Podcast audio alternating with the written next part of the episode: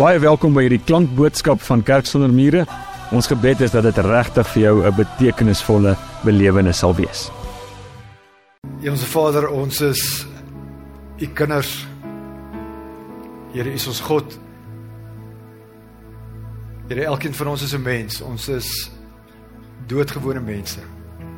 Here, is die is die pottebakker, ons is die klei. Here, ons het nodig dat U ons vorm. Ons het nodig dat U woord ons vorm. Here in u grootheid met u gees, die gees van Jesus Christus, die Heilige Gees wat in ons is. Here kom gebruik hierdie boodskap uit die Ou Testament. Here kom gebruik hierdie boodskap wat vir ons opgeteken is in 'n antieke dokument. Here gebruik hierdie verhaal van Nehemia, Here om tot ons lewe te spreek vandag in 'n postmoderne wêreld in die 21ste eeu. Here in 'n wêreld waar daar 'n klomp kragte is wat ons geloof nie versterk nie.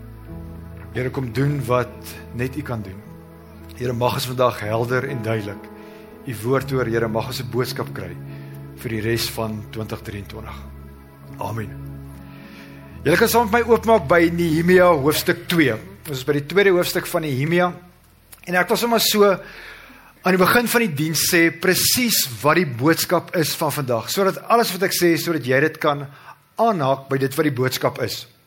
Die boodskap vir vandag is As jy gewoon net stil raak en jy vra die vraag wat moet jou prioriteit wees vir die res van die jaar? Ons nog 5 maande oor Augustus tot Desember, 150 dae.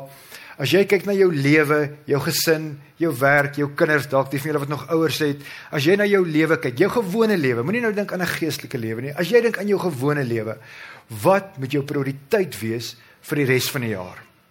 Dis ons kry in Nehemia, as jy kan uitfigure wat jou prioriteit is pak dit met wysheid aan, gebruik jou common sense en doen wat jy ook al moet doen om hierdie prioriteit van jou suksesvol af te af te handel.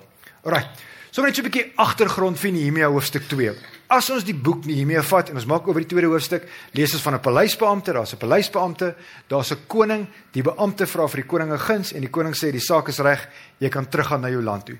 Dis wat jy lees. Elke boek in die Bybel elke hoofstuk, elke vers. Wanneer ons na enige boek in die Bybel kyk, moet ons altyd weet daar's baie meer wat aangaan as net dit wat ons so op die oppervlakte sien. So ek wil sommer 'n analogie gebruik. Kom ons sê jy klim in jou kar, jy gaan laai gou 'n vriend af by die lughawe en jy sien by die lughawe is daar twee mense, is 'n man en 'n vrou. Jy skat hulle so in hulle laat 40's en al wat jy sien is, jy sien 'n man en 'n vrou wat vir mekaar 'n drukkie gee en jy sien is nogals 'n lang drukkie Hulle stap Ywes toe, hulle klim op die R21 Noord en hulle ry Pretoria toe. Dis wat jy sien. Dis wat jy op die oppervlakte sien. Maar kom ons gaan krap nou bietjie dieper en ons vra die vraag, maar wat soek hulle daar? Die man is 'n mediese dokter. Die man het vir 3 jaar in Sirië gewerk as 'n dokter.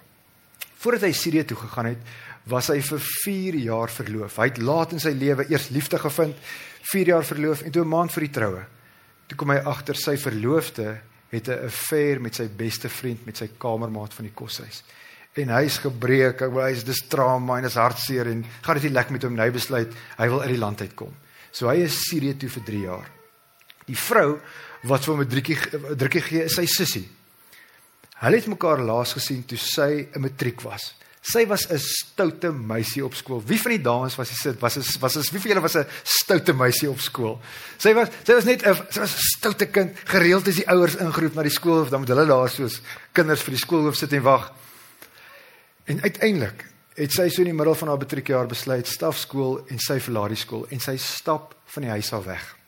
Verkeerde besluite, verkeerde ding op staan sy betrokke uh, met dwelms, een verhouding na die ander, uh, net, net sleg.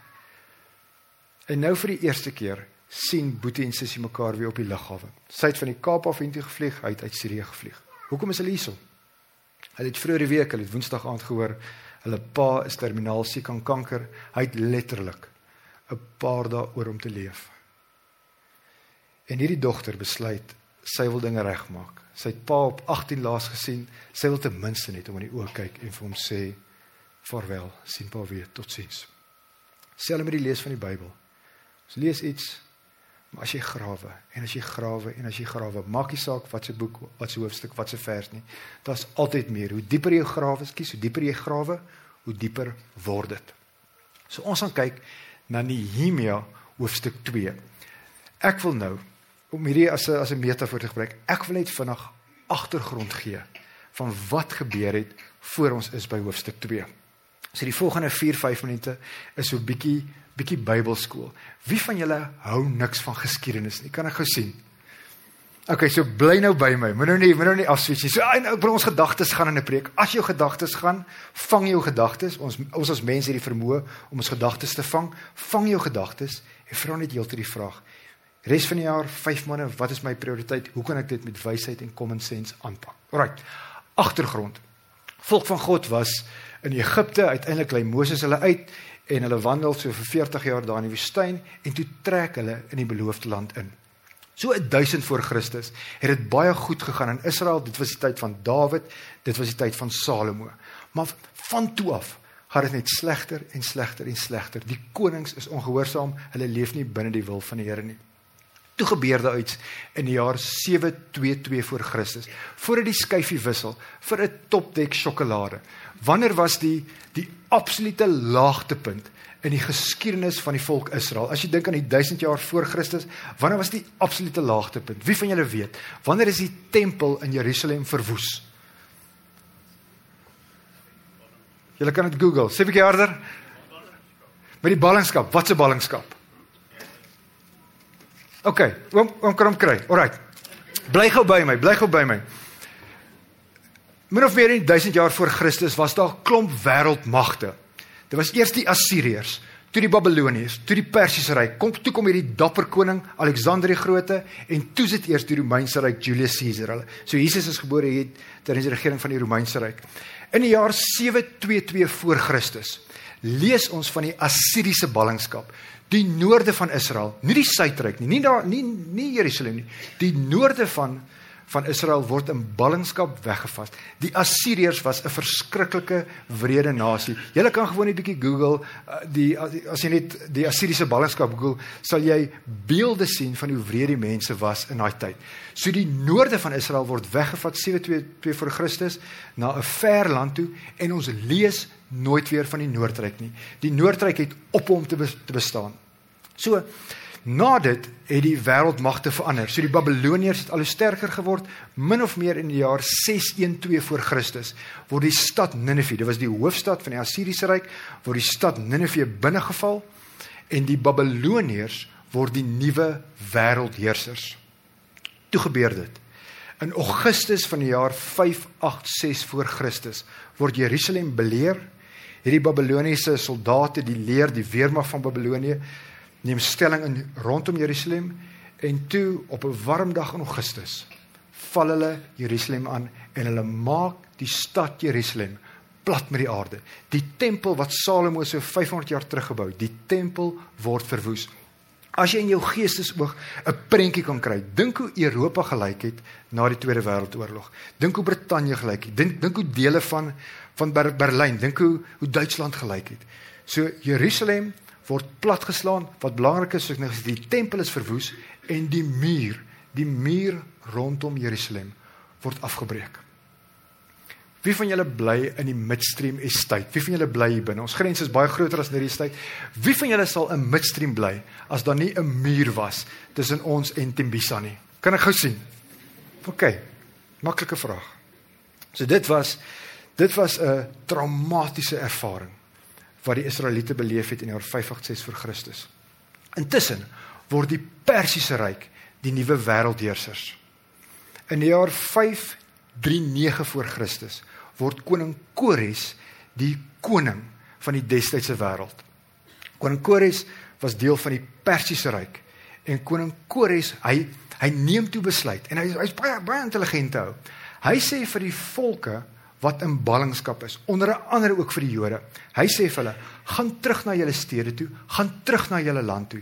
Hy gee vir hulle toestemming om hulle land weer sterk te maak, om hulle stede weer op te bou. Hoekom? Dink net so 'n bietjie die vele wat bietjie 'n strategiese aanleg het of lief is vir vir die weermag en goed. Hy weet as die lande rondom die Persiese ryk sterk is, dan gaan dit as 'n buffer dien teen die vyande van die Persiese ryk. So hy sê vir die Jode, gaan terug Jerusalem toe, julle kan julle stad herbou. Interessant. Hy stuur die volke terug En hy sê vir hulle: "Julle kan julleself tot 'n groot mate regeer. Maar ek soek 'n wetboek. Sê net vir my, sê net vir my, hoe gaan julle julleself regeer? Wys net vir my bietjie hoe lyk julle wette?" So die Ou Testament, soos wat ons dit vandag ken, het waarskynlik in hierdie tyd ontstaan. Dis die tyd hier rondom 53 538 voor Christus het die die teoloë wat daar in Jerusalem was, het hulle gegaan en hulle 'n klomp antieke dokumente gevat en hulle die Ou Testament saamgestel soos wat ons dit vandag het. So in die jaar 538 voor Christus gaan die ouens terug Jerusalem toe en hulle herbou die stad. Paar jaar later 515 voor Christus word die tempel herbou. Die tempel is herbou, maar was nie naasnou by so so mooi, so groot, so glorieryk soos die tempel van Salomo nie, maar hulle het ten minste 'n tempel gehad. Die muur is nog steeds plat, die muur is nog nie herbou nie. Wat interessant is, en nou beweeg ons na die boek Nehemia toe. Wat interessant is, toe Kores, die ouens in die jaar 538 toestemming gegee het om terug te gaan Jerusalem toe, het nie al die Jode teruggegaan nie. Van hulle het in Persië agtergebly. Wie van julle is vriende of werksaam met Jode? Wie van julle weet dat van die Jode nogals goeie besigheidmanne is? So die Jode daar in Persië het besighede begin, dit het goed met hulle gegaan, van hulle het floreer. Hulle het hulle self gevestig in Persië. Van hulle het die sosiale leer geklim, van hulle is in hoë posisies aangestel. So nie almal het teruggegaan Jerusalem toe nie. Nehemia en van sy familie was deel van die ouens wat in Persië agtergebly het. En nou is ons in die jaar 445 voor Christus. Dis min of meer wanneer Nehemia hoofstuk 2 se se storie afspeel. So Nehemia 2 is die koning se wynskinker, 'n baie belangrike posisie. Jy kan die koning net so vergiftig. So die koning het hom met sy met sy lewe vertrou. En nou gebeur daar iets. Nehemia se boetie het in Jerusalem gebly. En hy het die reis aangepak en hy het na die Persiese ryk toe gekom. Hy het na Nehemia toe gekom. En Nehemia, dis hoofstuk 1 verlede week se boodskap. Nehemia vra vir hom, "Hoe gaan dit daarso?" En dan sê hy as ons na die Hebreëus kyk, hy sê iets soos ons ervaar groot probleme. Ons word verneder deur ons vyande. Hoekom? Want ons het nie 'n muur nie. Ons is uitgelewer aan die vyande wat rondom ons bly. En toe toe Nehemia hoor dit gaan nie goed nie, rou hy, hy huil, hy dit, dit is vir hom dis vir hom nuus, dis vir hom 'n skok en hy bid tot die Here en hy besef ek ek moet gaan en ek moet hierdie muur gaan bou. So dit is wat Nehemia se prioriteit was in die jaar 445 445 voor Christus. Hy moet gaan en hy moet al sy kennis, hy moet al sy ervaring inspann en hy moet die muur gaan bou in Jerusalem. Kom ons gaan lees. Nehemia 2 vers 1. Ek gaan vers lees iets sê, 'n vers lees, iets sê. Onthou nou weer, Nehemia het 'n prioriteit gehad, hy moes die muur gaan bou. Lees asseblief saam met my. Op die skerm vers, verskyn die woorde van die 1983 vertaling. Ek gaan lees uit die 1920 vertaling. Albei is amptelike vertalings.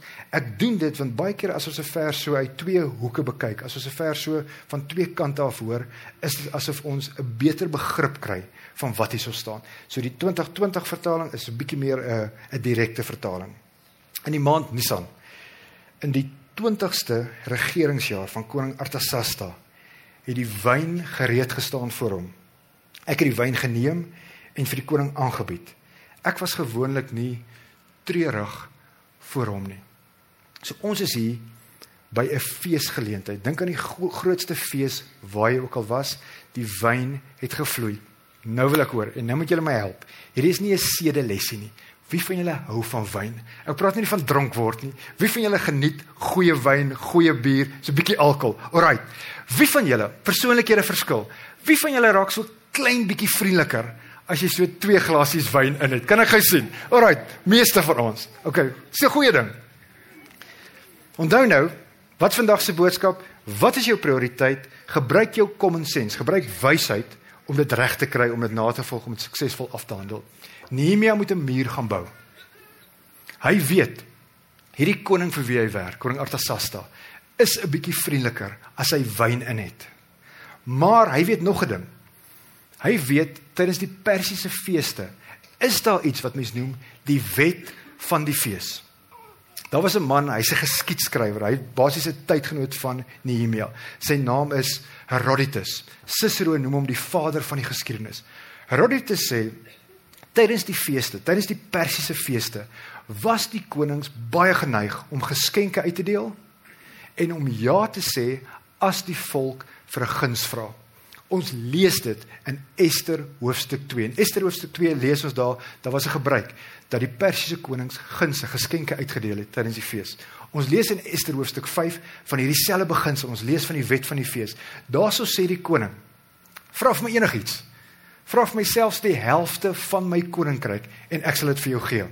Ons kry dieselfde gedagte, dieselfde idee wanneer Herodes Antipas by 'n feesgeleentheid is en daar's 'n jong meisie wat hom bekoor met met haar danse. En dan sê Herodes, ons kry dit in Markus hoofstuk 6, dan sê Herodes Antipas presies dieselfde as wat die Persiese konings 500 jaar tevore gesê het. Herodes Antipas sê vir haar: "Vra vir my enigiets. Ek sal die helfte van my koninkryk vir jou gee as as jy dit wil hê." Ons kry dieselfde by Pontius Pilatus. Fees, die Paasfees, wie kan ek vir julle vrylaat? Watse gevangene moet ek vir julle vrylaat? So die Persiese konings was geneig om ja te sê tydens 'n fees. Nehemia weet dit wysheid en common sense. Sy as ek die Engels kan gebruik, sy sy timing om te vra of hy Jerusalem toe kan gaan. Sy timing was impeccable. En nou, kom ons lees vers 2 vers 3. Die koning vra toe vir my: "Waarom is jou gesig so somber? Jy's tog siek nie? Dit kan niks anders as 'n treurige hart wees nie." So hierdie koning se emosionele intelligensie is redelik hoog. Ek en nou is dit baie interessant want ons moet die konteks verstaan. Nehemia sê ek het baie bang geword en vir die koning gesê: Mag die koning vir ewig lewe. Waarom sou my gesig nie somber wees wanneer die stad, die plek van my voorvaders se grafte vervalle lê en sy poorte deur die vuur verteer is nie? Wysheid, common sense, wysheid en common sense. Hy weet wat hy moet gaan doen. Maar hy weet ook Enige koning in die antieke wêreld is baie bang vir 'n rebellie. As dit net lyk of jy die die koning wil uitdaag tot 'n geveg. As dit net as dit net lyk of jy die koning se mag wil aanvat, dan sou die die Persiese konings jou onmiddellik doodgemaak het. Dis hoekom die teks sê ek het baie bang geword. Nehemia weet dit. So hy kies sy woorde baie baie baie versigtig. Hy gebruik nie een keer die woordjie Jerusalem nie. En as jy die teks fyn lees, hy sê nie een keer hy wil gaan om die muur te gaan herbou nie, want as hy gesê het hy wil die muur gaan herbou, kon die koning gesien het as wel, hier kom 'n rebellie. Hy wil sy stad gaan sterker maak en hulle gaan 'n hulle gaan 'n fight met ons piek. Kyk wat hy doen. Hy praat oor grafte, die grafte van sy voorvaders. Nou het ek 'n vraag en ek besef dit is 'n bietjie van 'n grim onderwerp, maar kom ons kom ons spring in hierdie teks in. As jy moet kies, wie van julle wil in 'n kus begrawe word en jy wil daar in die grond afsak? Dis opsie 1, ander opsie, wie van julle wil veras word? Kan ek gou sien? Wie van julle kies vir 'n ter aarde bestelling? Veras. OK twee skole van denke. In die Persiese wêreld was daar ook basies twee skole van denke oor begrafnisse. Daar was 'n groep wat net gesê het, "Man, ons is nou nie gebader oor 'n graf en oor 'n begrafnis nie." Hulle sou gewoon die liggaam van die mense wat gesterf het in die veldgelossies en die wilde diere en die aasdiere sou die liggame opgevreet het. Daar sou wel partykeer 'n tipe van 'n simboliese handeling gewees het, 'n ritueel waar hulle iets doen met die gees van die persoon wat nou gesterf het. Maar daar was 'n groot deel van die Persiese ryk en die konings en die vooraanstaande burgers was gewoonlik deel van hierdie denkskool. Daar was 'n deel van die Persiese ryk, 'n klomp mense wat verskriklik baie gemaak het van jou graf, van jou begrafnis. Almal van ons ken die ken die piramides. Op die foto daar regs onder is die graf wat tans nog in Tir, in Iran is van hierdie koning van koning Artasasta. As jy hom wil gaan Google Artaxerxes nommer 1. Hierdie koning het baie gemaak van grafte. Hierdie koning het baie gemaak van 'n begrafnis, van 'n begrafnis. So nee, hiermee uit geweet. As ek iets gaan sê oor grafte, gaan die koning na my luister. Sy ore gaan spits. Hy het geweet as hy iets sê van 'n muur, iets sê van die stad Jerusalem, gaan die koning dalk dalk hom doodmaak. Maar hy gebruik sy common sense, hy gebruik wysheid en hy sê, "Alright, Ek gaan my woorde fyn kies. En dan gaan ek dan gaan ek voort met dit wat ek moet doen. Vers 4 en 5. Toe vra die koning vir my, "Wat is dit wat jy wil hê?" Ek het tot die God van die hemel gebid en vir die koning gesê, "Ek het 'n skietgebed opgestuur. As die koning dit goed vind en as u dienaar by u aanvaarding vind, moet u my na Juda terugstuur. Juda is die provinsie van Jerusalem. Stuur my na die stad van my voorvaders se grafte sodat ek dit kan herbou. Kyk weer, hy noem nie die stad nie, hy noem nie die muur nie. Hy bid vinnig en dan lê hy sy versoek op die tafel. Geen gebed, sommer net vir ons vir ons vir vandag 2023, geen gebed is te kort nie. Baie van ons wil wil baie lank bid, maar as ons kyk na Jesus Christus se gebede, as ons kyk na die Onse Vader gebed, dis 'n dis 'n baie baie kort gebed. Geen gebed wat ons bid is te kort vir die Here nie. En dan almal van ons bid. Onthou altyd wat staan in Jesaja 49 vers 8. Daar praat die Here, die Here self praat en die Here sê op 'n tyd wat ek goed dink, sal ek jou gebede beantwoord. 'n tyd sê die Here God wat wat ek dink is die regte tyd sal ek jou gebede beantwoord. Terug by Nehemia hoofstuk 2, die koning sê saak is reg. In beginsel keer ek dit goed, jy kan gaan. Nou as ons gaan lees in vers 6 en dis die laaste gedeelte wat ons lees, lyk dit of daar 'n paar dae verloop het, dalk 'n week, 'n maand en nou's die koning ging by die koning. Die buitebybelse bronne sê vir ons haar naam was Damaspia. So hulle twee is daar in 'n vertrek saam met Nehemia en die koning met die koningin wat langs hom sit, het my gevra: "Hoe lank sal jou reis duur en wanneer kom jy terug?" Die koning het dit goed gevind en my laat gaan. So in ons taal dis basies asof Nehemia vir die koning sê: "Koning, help my met 'n paspoort, help my met met visas dat ek maklik van een land na ander kan reis want dit was honderde kilometers van die Persiese ryk tot in Jerusalem en gee asseblief ook vir my 'n brief gee vir my 'n brief dat ek daar na die staatsbos toe kan gaan sodat ek hout daar kan kry om die tempelpoorte en om die hekpoorte te te verstewig. Koning sê dis reg. En dan sê Nehemia en hier gee Nehemia vir ons in midstream nogals nogals woorde. Die koning het die briewe vir my gegee omdat die goeie hand van my God oor my was. So daar staan in die as mens dit direk vertaal, Nehemia sê die goeie hand van God was oor hom. Ek sê dit vandag want baie vir ons as ons na ons lewe kyk, die afgelope 80 jaar, die afgelope 70 jaar, die afgelope dekade, die afgelope 5 jaar, baie van ons kan saam met Nehemia sê die goeie hand van die Here was oor ons. Ons weet elke dag bring genoeg moeilikheid van sy eie dis 'n gegewe. Maar as ons na ons lewe kyk, as ons na die groot prentjie van ons eie lewe kyk, kan baie van ons sê die goeie hand van die Here was oor ons. Die Here se goedheid, die Here se guns het ons elke dag agtervolg. Dis dis dit wat ons gaan lees uit Nehemia. As ons dit as ons dit prakties maak. Nehemia het geweet wat sy prioriteit is. Nehemia het geweet hy moet gaan bou. Jou eie lewe, Wat is dit? Wat is dit wat nou in hierdie seisoen van jou lewe? Wat is dit wat nou prioriteit moet wees? Wat is die wat is die gewoonte wat jy moet breek? Wat is die gewoonte wat jy moet aanleer? As jy dink aan die mense in jou lewe, wat is die verhouding wat so 'n bietjie meer aandag moet kry? Wat is die verhouding wat gekoester moet word? Wat is die verhouding wat beëindig moet word?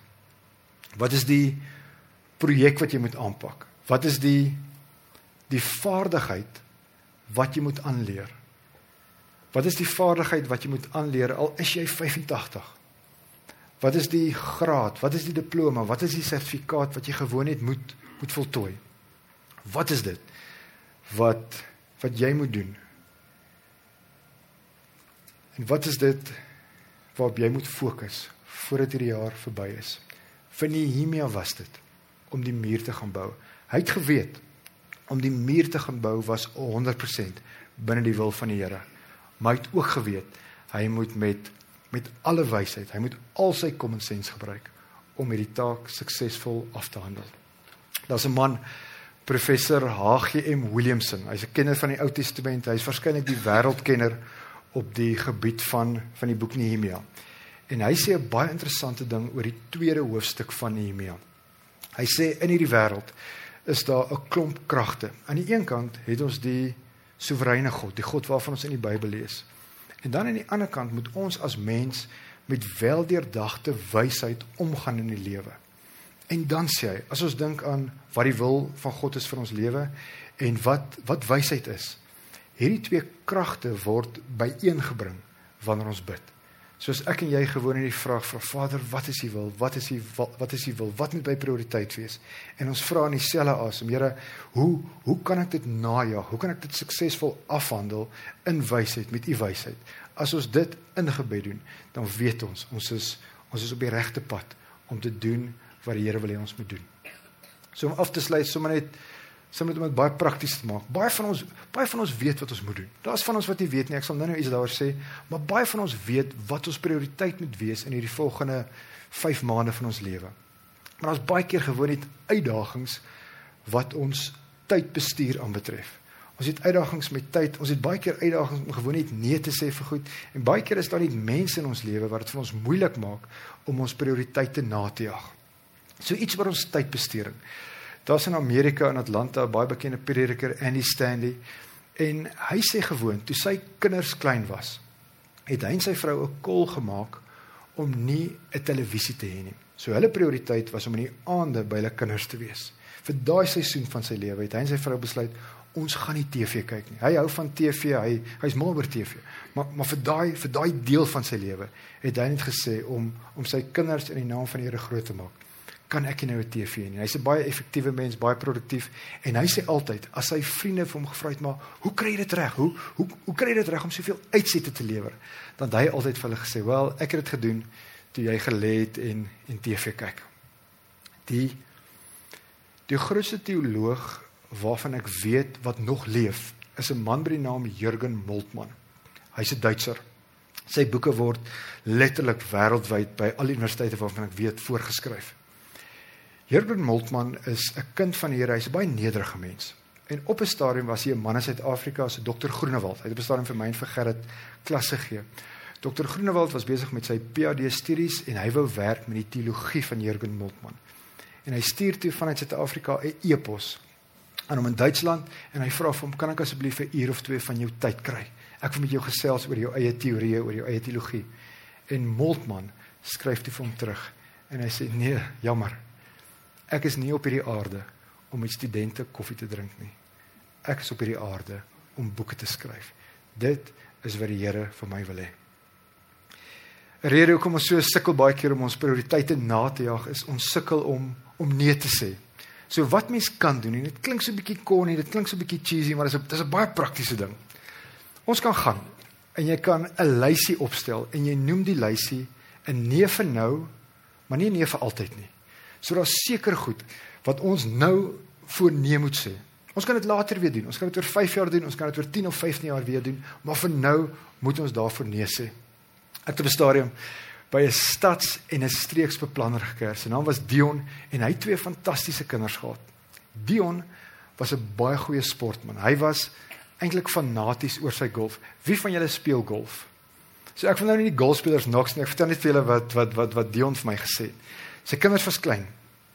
Dion sit in 'n preek. Hy was die die Sondag by 'n Engelse gemeente, Engelse dominee het gepreek en die dominee preek oor wat is wys en wat is sonde. En die dominee sê hy vertel vir my die dominee het vir hom gesê daar's baie goed in hierdie lewe wat nie sonde is nie.